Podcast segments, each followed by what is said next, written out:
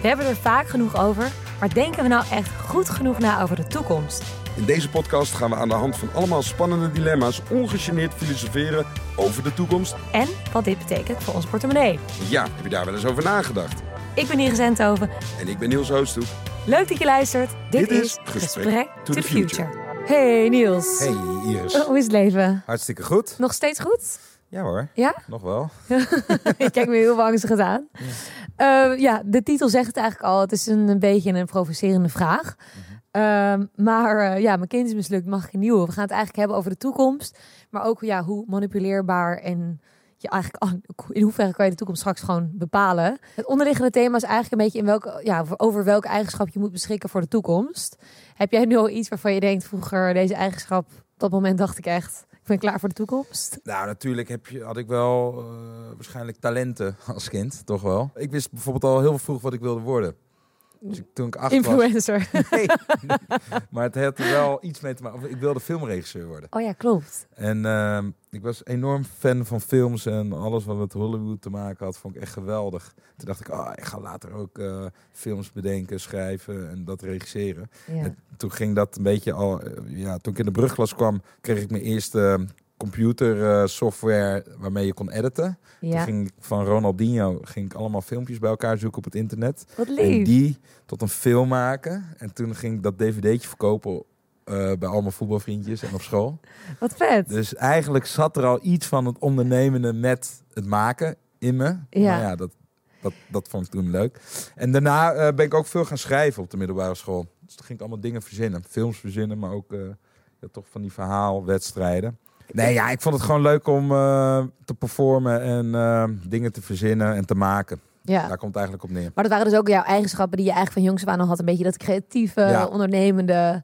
Ja, dat was dus ook eh, een beetje mijn valkuil met betrekking tot mijn pa. Omdat die zo financieel onderlegd was. Ja. dacht ik, oh ja, misschien moet ik daar dan ook wel wat mee doen. Misschien heb ik hetzelfde DNA als mijn pa. Het zou financieel verstandig voor mij zijn als ik economie ga studeren. Nou, Ja. dat heb ik een half jaar volgehouden. Toen ben ik toch eh, de switch gaan maken naar media en cultuur. Dus nog wel een universitaire studie, maar dacht ik van, ja, dit ligt toch echt ja, meer bij mij. ik meer. Ja. En toen ben ik eigenlijk tijdens de studie al dingen gaan maken. ja, bizar toch? Ja. Als ik er nu over nadenk, dat ik heb ook economie en bedrijfskunde gestudeerd en ook nog een master en zo. Dat ik denk, eigenlijk staat dat zo ver van wat ik nu doe en wie ik als persoon ben. Maar heb je er wel wat aan gehad? Eh, nee, niet heel maar veel. ook niet, zeg maar, in bepaalde competenties Tuurlijk, je hebt, je hebt die er meer altijd zijn dan alleen Ja, je hebt indirect heb je natuurlijk altijd iets aan een opleiding. Maar het is niet dat ik nu precies, als nu iemand aan mij vraagt, van kan je even winst- en balansrekening maken, dat ik echt sta te juichen om dat even voor iemand uit te typen, weet je wel. Ja, ik heb natuurlijk wel vroeger altijd op de dansacademie gezeten en gedanst. Dus ik wil altijd wel een beetje dat, dat dansen en dat performen. Het zat Ja. wel een soort van een beetje in me. Maar het is best wel lastig voor dansers, om als we het hebben over toekomst. Weet je, je, je leert een vak waar eigenlijk niet heel veel toekomst in is. Dus er wordt heel erg op de dansacademie wordt heel erg verteld van eh, je gaat danseres worden, maar er is gewoon niet heel veel geld te verdienen in de danswereld. Weet Nee. je? Want het, het aanbod is groot Ja. en de vraag is beperkt. Dus zo begon ik mee. Maar ik ben eigenlijk om die reden dus ook gestopt. Wel dus al een beetje met de ogen op de toekomst van ja, wat ga ik dan doen? ja, Het hoogst haalbare in Nederland is dan echt gewoon... Ja, nu natuurlijk door TikTok en zo is dansen veel groter. Maar Enorm. toen was het gewoon, ja, dan ga je bij de toppers dansen. En dat, dat is het dan, weet je. Ja. Of je gaat een poging naar Amerika. En dan, eh, ja, dan sta je met nog honderdduizend mensen. ja. Maar ik vind dansen wel superleuk. Maar toen heb ik eigenlijk die droom een beetje begraven. En toen ben ik gewoon inderdaad een beetje mainstream economie en bedrijfskunde en al die dingen gaan doen. Wat eigenlijk best wel ver afstaat van mijn talenten en eigenschappen. Eh, dus ja, zodoende ben ik weer teruggerold in het hele media ding. ja het is, zo- dat is ook wel interessant. Eh, waarschijnlijk heb je dan gewoon het talent, een aanleg en een interesse. Dat gecombineerd allemaal in, in het creatieve en Ja. in het performen.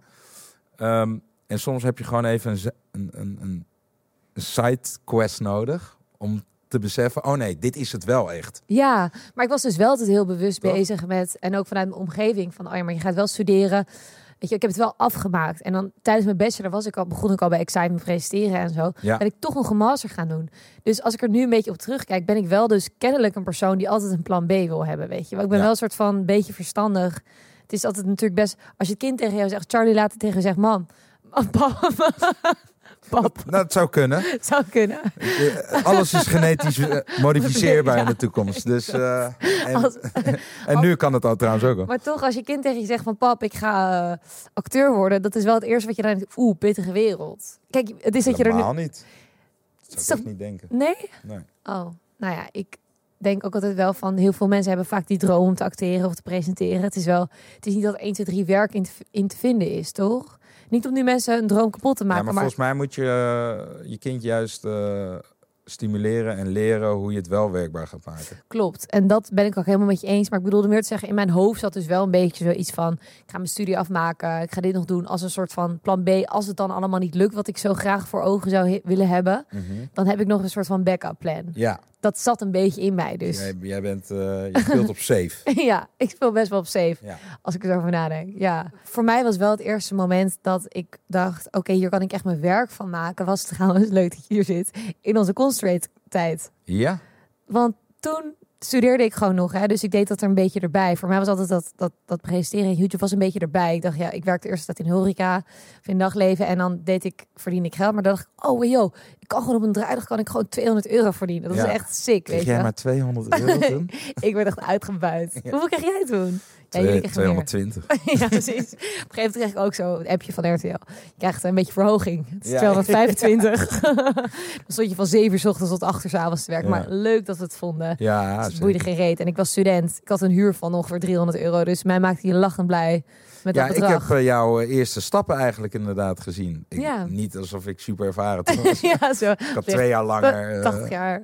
Nee, maar eh, jij werd toen van stagiair tot serieuze presentatrice. Ja, Toch? ja. Dat was een dat die echt tijd. een beetje in die Bull tijd. Toen was ik net een beetje bij Excite begonnen en toen Constraight. Maar En dat toen is- dacht je dus, oké, hier, hier, dit gaat me lekker af. Ik ga dit verder exploiteren. Nou ja, dus nog niet. Want ik ging alsnog studeren erbij en alsnog een master doen. Dus ik was altijd soort van wel bezig met... ja, dit is wel lachen wat we hier doen. Maar ik, ga, ga, ik, ik had in alle eerlijkheid niet ziek veel vertrouwen in de toekomst... op het gebied van presenteren en zo. Want ik dacht wel van... Nou, wat, wat lachen dat we dit kunnen doen. Wat, wat mooi dat ik er geld mee verdien. Maar ik had niet voor ogen gehad wat ik nu doe. Dat het mijn fulltime werk is. Nou, het is wel interessant, want wij kwamen natuurlijk een beetje in een soort van tweesplitsing. Eh toen kwamen wij op tussen eh, online en tv. ja, En ik had nog wel een soort van de ambitie, en vooral toen wij Giergast hadden bedacht, om dat te verkopen aan televisie. Televisie was echt nog het grootste Ja. goed. ja, En dan praat ik over 2014, toen bedachten we Giergasten. En binnen een aantal maanden waren er allerlei eh, productiemaatschappijen waren geïnteresseerd om dat inderdaad van ons te kopen. Nou, echt voor een habbekrats natuurlijk. Ja. Wisten wij veel. hoeveel boden ze dan? Ze Ja, dan? dat was gewoon voor, eh, hier, eh, voor 10k dan... Hebben jullie kanaal? ja, dan, dan- nou ja, dan nemen wij dat format over en dan Ah, krijgen ja. jullie nog een beetje betaald. Maar betalen we nu 10.000 euro voor het idee? Of echt max? ja. Nou ja, uiteindelijk is dat gewoon ehm, ehm, ja, twee, ja, twee keer zo groot geworden. Nee, Uiteindelijk heb ik voor 20k het allemaal verkocht. nee uiteindelijk, kijk, eh, toen kregen wij dus tijdens die onderhandelingen opeens volgers. ja, En wij kregen op YouTube bereik en comments van wauw, fantastisch, ga door. ja. En toen kregen we in één keer Sophie Milsing leerden we kennen. Ja. Die was echt 17 toen of zo. Ja, En toen sick toch dat zij ook al uit die tijd is. Ja. Dat is gewoon insane. en toen zei Sophie tegen ons, huh? maar hoezo gaan jullie het aan tv verkopen? YouTube is echt groeiende. En zij dit- Soof dat de visionair Soof. Ja, visionair Soof, zeker, tante Soof. En die zei, oh, echt waar, zei dat toen. En toen gingen we daar een beetje in verdiepen. En toen bleek inderdaad dat er net YouTube-agencies opgepopt waren... als Ja. een soort championnen uit de grond in Amsterdam. En daar gingen we allemaal mee praten. En toen, ja, toen openden onze ogen van, oh... Maar dat online, dat gaat het helemaal worden. Wij gaan echt helemaal niks verkopen Nee. aan tv. We houden het zelf. En dat is ook gewoon af en toe dat je, dat je tegen een nieuwe technologische ontwikkeling aanloopt, letterlijk. Ja, en er dus ook niet bewust, want in die tijd Nee. waren wij ook helemaal niet bewust van. Want dat, dat, dat Concentrate was ook ontstaan zodat wij zouden doorgroeien naar de tv. Een soort van, het was een beetje een soort van talentenpool, toch? Dat Ja. je een beetje bij RTL betrokken zou zijn. Maar eigenlijk is dat hele online gedeelte en dat, voor, dat is veel groter geworden dan het doel aan zich. Ja, En dat is wel vet. ja. Ik had ook niet gedacht dat dan, als dan iemand tegen mij had gezegd van... Oh, maar je doet gewoon met je eigen kanalen iets. Want nu is het heel vaak als een tv-klus voorbij komt... dat ik denk, past het binnen mijn dingen die ik wil draaien... voor mijn eigen podcast en zo. Het is niet meer the other way around, weet je wel. ja, klopt. Maar ja, die hele wereld is dus wat dat betreft omgedraaid. En we wisten toen nog niet wat we later wilden gingen worden. Mhm. En dat dat hetgeen is wat we zijn geworden. Ja, dus het gaat eigenlijk om ehm, meer om karaktereigenschappen Ja. van een mens dan dat je daadwerkelijk dat vak wil gaan beoefenen later. Want dat kan helemaal op de schop gaan in de toekomst. Ja, want- En zeker met de ontwikkelingen. in Zeker, maatschappij technologie. Met, eh, met AI. Er gaan alleen maar banen bijkomen waarvan we nog niet eens het bestaan weten. Nee. Waarin het vroeger natuurlijk heel, heel logisch was. Dan ging je, kwam je uit een bakkersfamilie en dan werd je bakker. Ja. Weet je, of je komt, komt uit een eh, heel concrete beroepen. En nu gaan gewoon de mensen die nu nog een baan moeten kiezen en ze werken een beetje in de technologische sector, Ja. die weten nu nog niet wat hun baan gaat zijn. Dat geloof ik echt. Ja, want kijk, dat is natuurlijk ook een beetje de reden eh, dat ik op dit onderwerp ben gekomen. Mijn kind is mislukt, mag ik een nieuwe? Nee, Wat als je dit app is? Ons kind is mislukt. Charlie is echt de schattigste mini-nieuws die je kan bedenken. ja. Zo Nee, schattig. ja, het is een, eh, het is een. Maar kan hij ook iets? Zeg maar, Ja, hij heeft. eh, het kwam heel bot uit, maar ik bedoel, hij is super ja, dat is wel heel interessant. Want sommige mensen, of sommige kids in zo'n crash, die zie je zeg maar dagdromen. En dan denk je, oh ja, dat gaat van alles in het koppie. Die Ja. is heel creatief. Of, eh, en je ziet eigenlijk al best wel vroeg bepaalde eigenschappen, vind ik, bij kinderen. En be- bij die van mijn eh, zoontje is, die is ontzettend sociaal. Dus die is echt bezig met de groep. ja. Dus als er één persoon wegloopt van een etentje, waar hij ook aan tafel zit, eh, om bijvoorbeeld naar het toilet te gaan, dan gaat hij voor het toilet wachten en zegt, ja, maar jij moet terug. Je moet hier gaan zitten. Wat en hij lief. gaat stoeltjes aanschuiven en hij is heel erg bezig. Wat doet hij, wat doet zij? Maar we zijn hier wel samen. Wat lief. Dus dat is best wel, eh, vind ik, ja, vind ik wel bijzonder om te zien. Ja, en mag je ook wel trots op zijn. Ja, zeker. Dus hij is heel goed bezig met hoe iedereen zich ook in de groep voelt. Ja, Ja, ja, ja. op ja, hele jonge leeftijd Ja, al. hij is best wel eh, emotioneel. Hij voelt alles. Zeg maar. Ja. Wat zijn dan de eigenschappen waar mensen op voor willen borduren? ja, als je dan nu twee eigenschappen zou mogen kiezen. Kijk, we hebben het nu natuurlijk over in ons werkveld zou inderdaad empathie en sociaal zijn en creatief zijn, interessant zijn. Ja. Maar is dat nou op de lange termijn schaal met alle technologische ontwikkeling in de toekomst? Is dat ook hetgeen waarop jij zeg maar succes gaat behalen? Niet dat succes de graadmeter is, maar als we daar even op. eh, Ik denk dat voor de maatschappij eh, en voor de belasting, et cetera, dat het heel handig is als we met 17 miljoen doorzetters hier wonen. Dus ik denk dat doorzettingsvermogen echt wel belangrijk wordt. Ja, Toch? ja nee, moeten we Ik gezegd. denk als ze zeggen, nou laten we nu met z'n allen lui zijn. nou, dan, dan, dan gebeurt er niet vrij zoveel. weinig. Ja. Ja. En ik gok toch ook wel, en hier zijn de meningen over verdeeld. Dat je dat- nu iets heel raars zegt.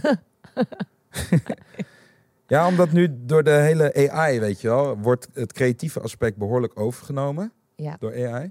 Maar ik denk dus dat creativiteit in de mens wel heel belangrijk gaat worden. Omdat je dan out of the, niet out of the box, maar out of the AI kan denken. Ja, ik- en, en dat gekoppeld met performen, waar jij het net over had. Ik denk dat het heel interessant gaat worden in de toekomst als mensen zelf een pianostuk kunnen maken en bespelen. Dus dat je nou een live concert van een mens Ja, ja. gaat kijken en luisteren. Ja. Terwijl de rest wordt allemaal via computer. Oh, maar hij kan het zelf.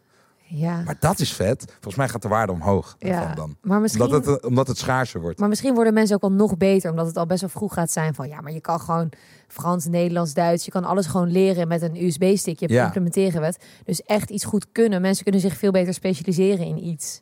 Ja, Of het heeft geen waarde meer van straks kunnen we allebei gewoon piano spelen. maar dan wordt alsnog de gast zonder chip fucking vet. Snap je? Er valt ook iets voor te zeggen. We hadden het vorige po- podcast tikten we dat ook al even aan. Ik weet niet of je dat concept kent, dat FIRE.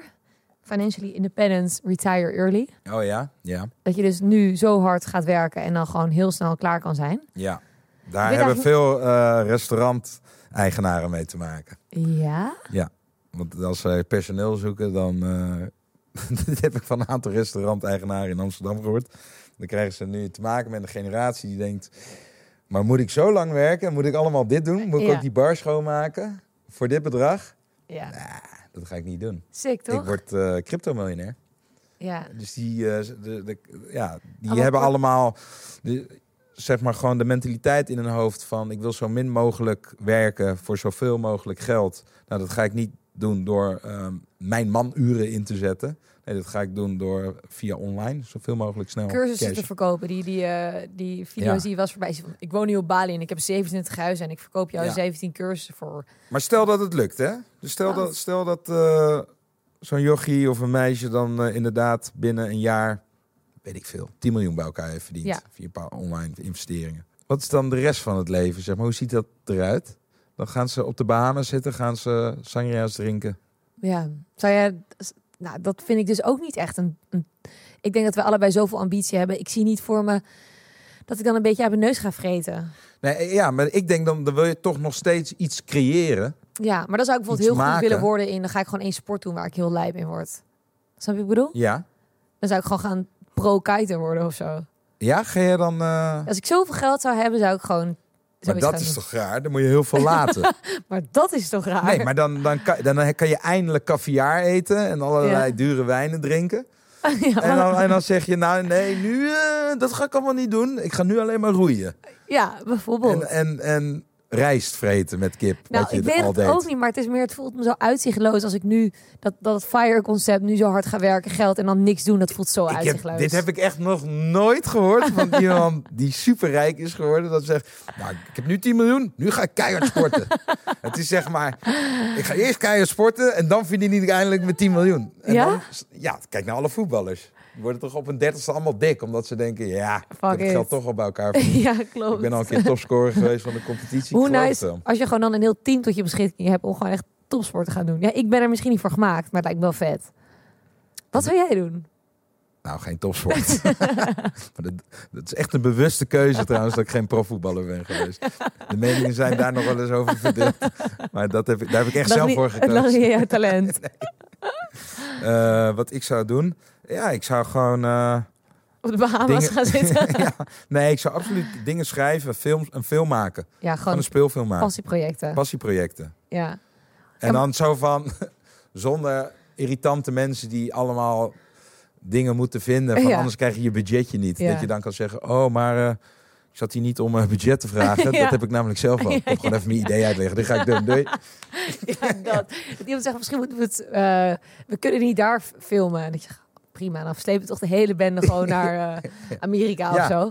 Precies. Oh ja, dat, dat, dat echt dat financiële onafhankelijke, dat gevoel. Zou je daar gelukkig van worden? Nou, niet als je dus de hele dag op het strand eh, gaat liggen en cocktails gaat drinken. Ik Nee. denk dat dat vrij snel saai wordt. Dat denk ik ook, ja. Dus maar het een feit dat mens je- heeft toch wel een doel in zijn leven. Maar nodig. wordt het dan ook niet saai als jij gewoon kan maken wat je wil maken met het budget wat je wil maken? Zou dan dat ook op een gegeven moment ook niet zo'n verzadigheidsgevoel? Want soms zit het, zit het werk er toch ook een beetje in met fixen met de middelen die je hebt. Dat je dan toch een podcast neerzet. Of fixen met dit en dit en dit. Dat je dan toch dat een film maakt, weet je wel? Ja, dat is wel zo. Alleen ik denk dat je altijd wel weer een nieuwe uitdaging kan blijven vinden. Hoeveel Ja. geld je ook hebt. Ja, maar er moet wel in in je dat zitten dan echt. Ja, Ja, nou ja, ik, kijk, uiteindelijk gaat het toch ook gewoon het hele leven om eh, of je eh, deze dag gelukkig doorkomt. ja, En dat is toch de hele bedoeling van geld investeren en daarover nadenken in de toekomst. Van kan ik nog steeds op mijn zestigste gelukkig door het leven gaan? En wat brengt geluk? Enigszins financiële rust. ja, financiële rust is misschien een betere. Ja. Als je financiële onrust hebt, dat is niet leuk. Nee, dat maakt ook niet gelukkig. Daar word je ook niet oud van. Precies. Ja, Dus dat is wat we willen creëren. Eh, op tv zien we, nou, je moet rijk worden, dit en dat. Dat zien we allemaal via Instagram. Volgens mij is dat niet het ding. nee. Je wilt financiële rust hebben. ik ga je eerlijk zeggen, ik ben dus wel eens aan het nadenken dat ik denk, ik eh, ben heel blij met hoeveel ik nu werk en wat ik mag doen. Maar ik heb wel een beetje het doel voor ogen dat als ik straks misschien kinderen heb, dat ik gewoon minder ga werken en alleen de klussen doe die ik echt gewoon intrinsiek super vet vind. Ja. Waardoor ik nu meer harder werk en meer geld wil verdienen ja. om straks zeg maar wat meer rust te kunnen hebben. En daar moet je soms wel een beetje sommetjes voor gaan maken. Wat moet ik nu verdienen om dan mijn jaren zeg maar wat ja, gewoon fijn leven te kunnen hebben, weet je wel. Dus dat zijn wel soms dingen waar ik in mijn hoofd over nadenk. En wil je praten over geldbedragen? Wanneer is het voor jou een fijn leven? Nou ja, dat, dat, dat vind ik lastig om te zeggen, omdat ik er niet 1, 2, 3 nu een voorbeeld voor heb. Want wat is een fijn leven? Ik bedoel, een dak boven je hoofd en gewoon naar de supermarkt kunnen. Dat is in principe een fijn leven. Ja. Eh, dus als je dat zou kunnen volhouden tot je oud wordt en gelukkig bent en gewoon alle tijd met je kinderen en leuke dingen doen. Ja, ik vind, dat voor mij is dat een fantastisch leven. Ja. En daardoor werk ik nu wel harder met die kennis. Ja. En wil ik nu meer geld verdienen. Het is een beetje raar, maar het is wel Nou, waar. Nee, het is helemaal niet raar. Want volgens mij hebben heel veel mensen dit. Ja, nu toch? beuken en daarna rustig aan en de passieprojectjes. Ja, In wat voor werk je dan ook doet, doen. Alleen, ik ben niet zo heel erg eh, fan van het idee nu keihard werken en dan vanaf mijn 65ste of 67ste eh, dan eh, op een strand zitten en dan pas genieten van je Ja, leven. dat vind ik dat ook is best altijd. wel een ouderwetse gedachte. Ja, klopt. Dat vind ik ook wel gek. Maar ja, je moet wel bezig zijn met je pensioen. Want je kan dan, je bent gewoon vaak dan, als je ouder bent, niet meer arbeidsgeschikt ook, weet je wel. Nee, Dus je moet daar wel voor nadenken dat er een Ja. keerpunt gaat komen waarin je waarschijnlijk niet meer inkomsten hebt. Maar je moet dan wel genoeg potjes hebben. Dat is dus zo representatief voor onze generatie. Wij denken alleen maar aan vandaag. Ja. Wat hartstikke fijn is hoor, want het gaat natuurlijk een beetje om vandaag. Alleen, eh, je wil niet die gast zijn, of die meid zijn, die zegt over 30, 40 jaar... Oh, had ik dat toen maar goed geregeld. Ja. Zoals ehm, als je wel eens gasten spreekt in een kroeg. Die zeggen, ja, ik, heb, eh, ik heb nooit opgelet tijdens school. Ja, als ik nu achteraf kijk, ook misschien beter... eh, ja, kunnen achteraf opletten. praten. dus Ja. achteraf praten is best wel vervelend als het in je eigen nadeel is. Ja. Heb je dat nu ook met dingen? Eh, ik heb dat met ja, dit wacht een beetje. Dan denk ik, oh ja, kut, van regelen die handel. Ik heb wel, ja, dat heb ik wel een paar keer gehad, zeker. Ja? Met belasting. Ja. Ik weet niet of jij eh postvrees kent. dat je gewoon je, je briefje niet openmaakt. En Ja. vooral als ze blauw zijn. ja. Weet je wat er dan gebeurt? Ja. Dan wordt je bankrekening leeggetrokken. Er zijn in één keer allemaal mensen voor je deur. ja. Die Heb je dat ooit dingen gehad? ophalen. Ik heb dat ooit gehad. nou, ik heb wel eens eh, uit naam van de koning een brief gehad. En zelfs toen dacht ik... Alsof de koning zijn geld hier komt ophalen. Ik geloof er geen reet van. Kijken wat er gebeurt. Ik heb ook één keer, dat was wel echt gênant. Toen is er iets misgegaan wel bij de Belastingdienst. Maar die brieven kwamen kennelijk niet aan, geen deurwaarde geweest. Ik open gewoon mijn rekening. Dan kunnen ze gewoon beslag leggen op je Oh, dan rekening. bevriezen ze het. Ja, alles weg. En dan, eh, moet je dus, eh, dan moet je dus die belasting gaan betalen. En Ja. zei ik, is cool, haal dat dan van het geld af. En dan, zeg maar, maar dat kan dan niet. Dus dan moet je heel schooierig geld gaan fixen om je belasting te betalen, om je geld weer terug te krijgen. En dan duurt dat weer 500 werkdagen. Dus als je je shit niet goed regelt, smekt hij hem echt met een linkerhoek eh, gewoon in je... En, en hoe ben jij toen bij... Bij wie ben jij toen gaan bedelen? Ja, bij, voor mijn, geld? bij mijn broer. Bij je broer? Ja, En toen moest je dat ook uitleggen. ja, Waarom? ja, ja, ja. ja. Hoe ja, was dat, heb ik gewoon Had eigenlijk je? Ja, wel een beetje dat Ja, ik het niet toch? goed had gefixt. Dat ik dacht, hoe kan ik nou gewoon een normale, gemiddelde intelligente persoon, kan ik gewoon, hoe kan ik dit nou niet hebben gefixt Ja. en niet hebben betaald? Maar ja, dat wordt misschien ook als we later groot zijn. Dat is ja, eigenlijk die freelancer. Dat je denkt, had ik dat maar geregeld, mijn pensioen? Had Ja, ik dat maar ja. gedaan? Precies. Weet je wel? en verzekeringen, weet je wel. ja. Dus je hebt natuurlijk eh, naast het Ik krijg er helemaal stress van dat ik shit moet fixen. En daar ben ik wel, eh, word ik eh, deze podcast wel even met mijn neus op de feiten gedrukt. Hey. ja, dat we er maar eens even goed voor moeten gaan zitten. Ja, En iedereen die luistert. Ja, Want wij willen het niet gedaan hebben als jullie het niet hebben geregeld. precies. Het heeft niet aan ons gelegen. Als je, niet, als je dus ook niet hebt geluisterd, ben je dus sowieso al de lul. Even eh, terug naar de hoofdvraag. Hè? Mhm. Ik heb een baby, kan ik hem inleveren? Eh, en over eh, de genetische modificeerbaarheid die gaat komen. Wat zijn nou de kwaliteiten die jij graag wil bezitten? Want je doet bijvoorbeeld nu Expeditie Robinson. Ja. Daarin word je neergezet als een, ja, een stoere, krachtige vrouw. Ja. Is dat iets waar je veel aan hebt? Kracht? ja, ik denk het wel. Ik denk dat Expeditie Robinson misschien wel het voorbeeld is. Jij hebt het natuurlijk ook gedaan. Om nou te weten welke eigenschappen heb je nou nodig als er niks meer is. Dus Ja. in een groep zijnde, maar ook om te overleven. Is dan kracht? Is het sociale aspect? Weet je, wat is nou... Wat, als we ergens zouden mogen kiezen, welke eigenschappen zijn nou het meest duurzaam om te overleven en, en een bestand te zijn voor de toekomst? Ik denk toch misschien wel meer dat sociale aspect. Ja, ik denk het ook. Want je kan nog zo sterk zijn. Als je alleen zit, is het lekker om, om alles te doen. Kracht überhaupt Kracht interessant. minder belangrijk geworden, toch? Hadden in Robinson ook iemand zei, ja, eh, de sterkste gaan, eh, die, die zijn het, dat zijn de Robinsons. Maar dan vroeg ik mezelf af, is dat zo? Ja. Ben jij, is de eigenschap sterk zijn of puzzelen, want dat wordt in een proef bijvoorbeeld getest, is dat nog wel hetgeen... Nou ja, puzzelen zou dan meer op intellect zitten, dus Ja. dat, zou, dat zou arguably nog wel kunnen. Ja. Maar is kracht nog wel de, de graadmeter of waarop jij gaat overleven? Ehm, ja, ik denk dat dat minder, eh, minder belangrijk worden. Ik denk empathie, eh, oplossingsgericht zijn. Ja. Als dat een skill is, Zou Ja. ik echt daarvoor op inzetten. Oplossingsgericht. Ja, als je altijd een oplossing kan eh, Ja. vinden. Nou, dat is een stukje creativiteit. Ja. Komt eigenlijk wat er weer eigenschap. Is eigenlijk de het cirkel. eigenlijk al. Wat lullen we De nou? whole package zit gewoon hier. De Ubermensch. Het zit hier gewoon.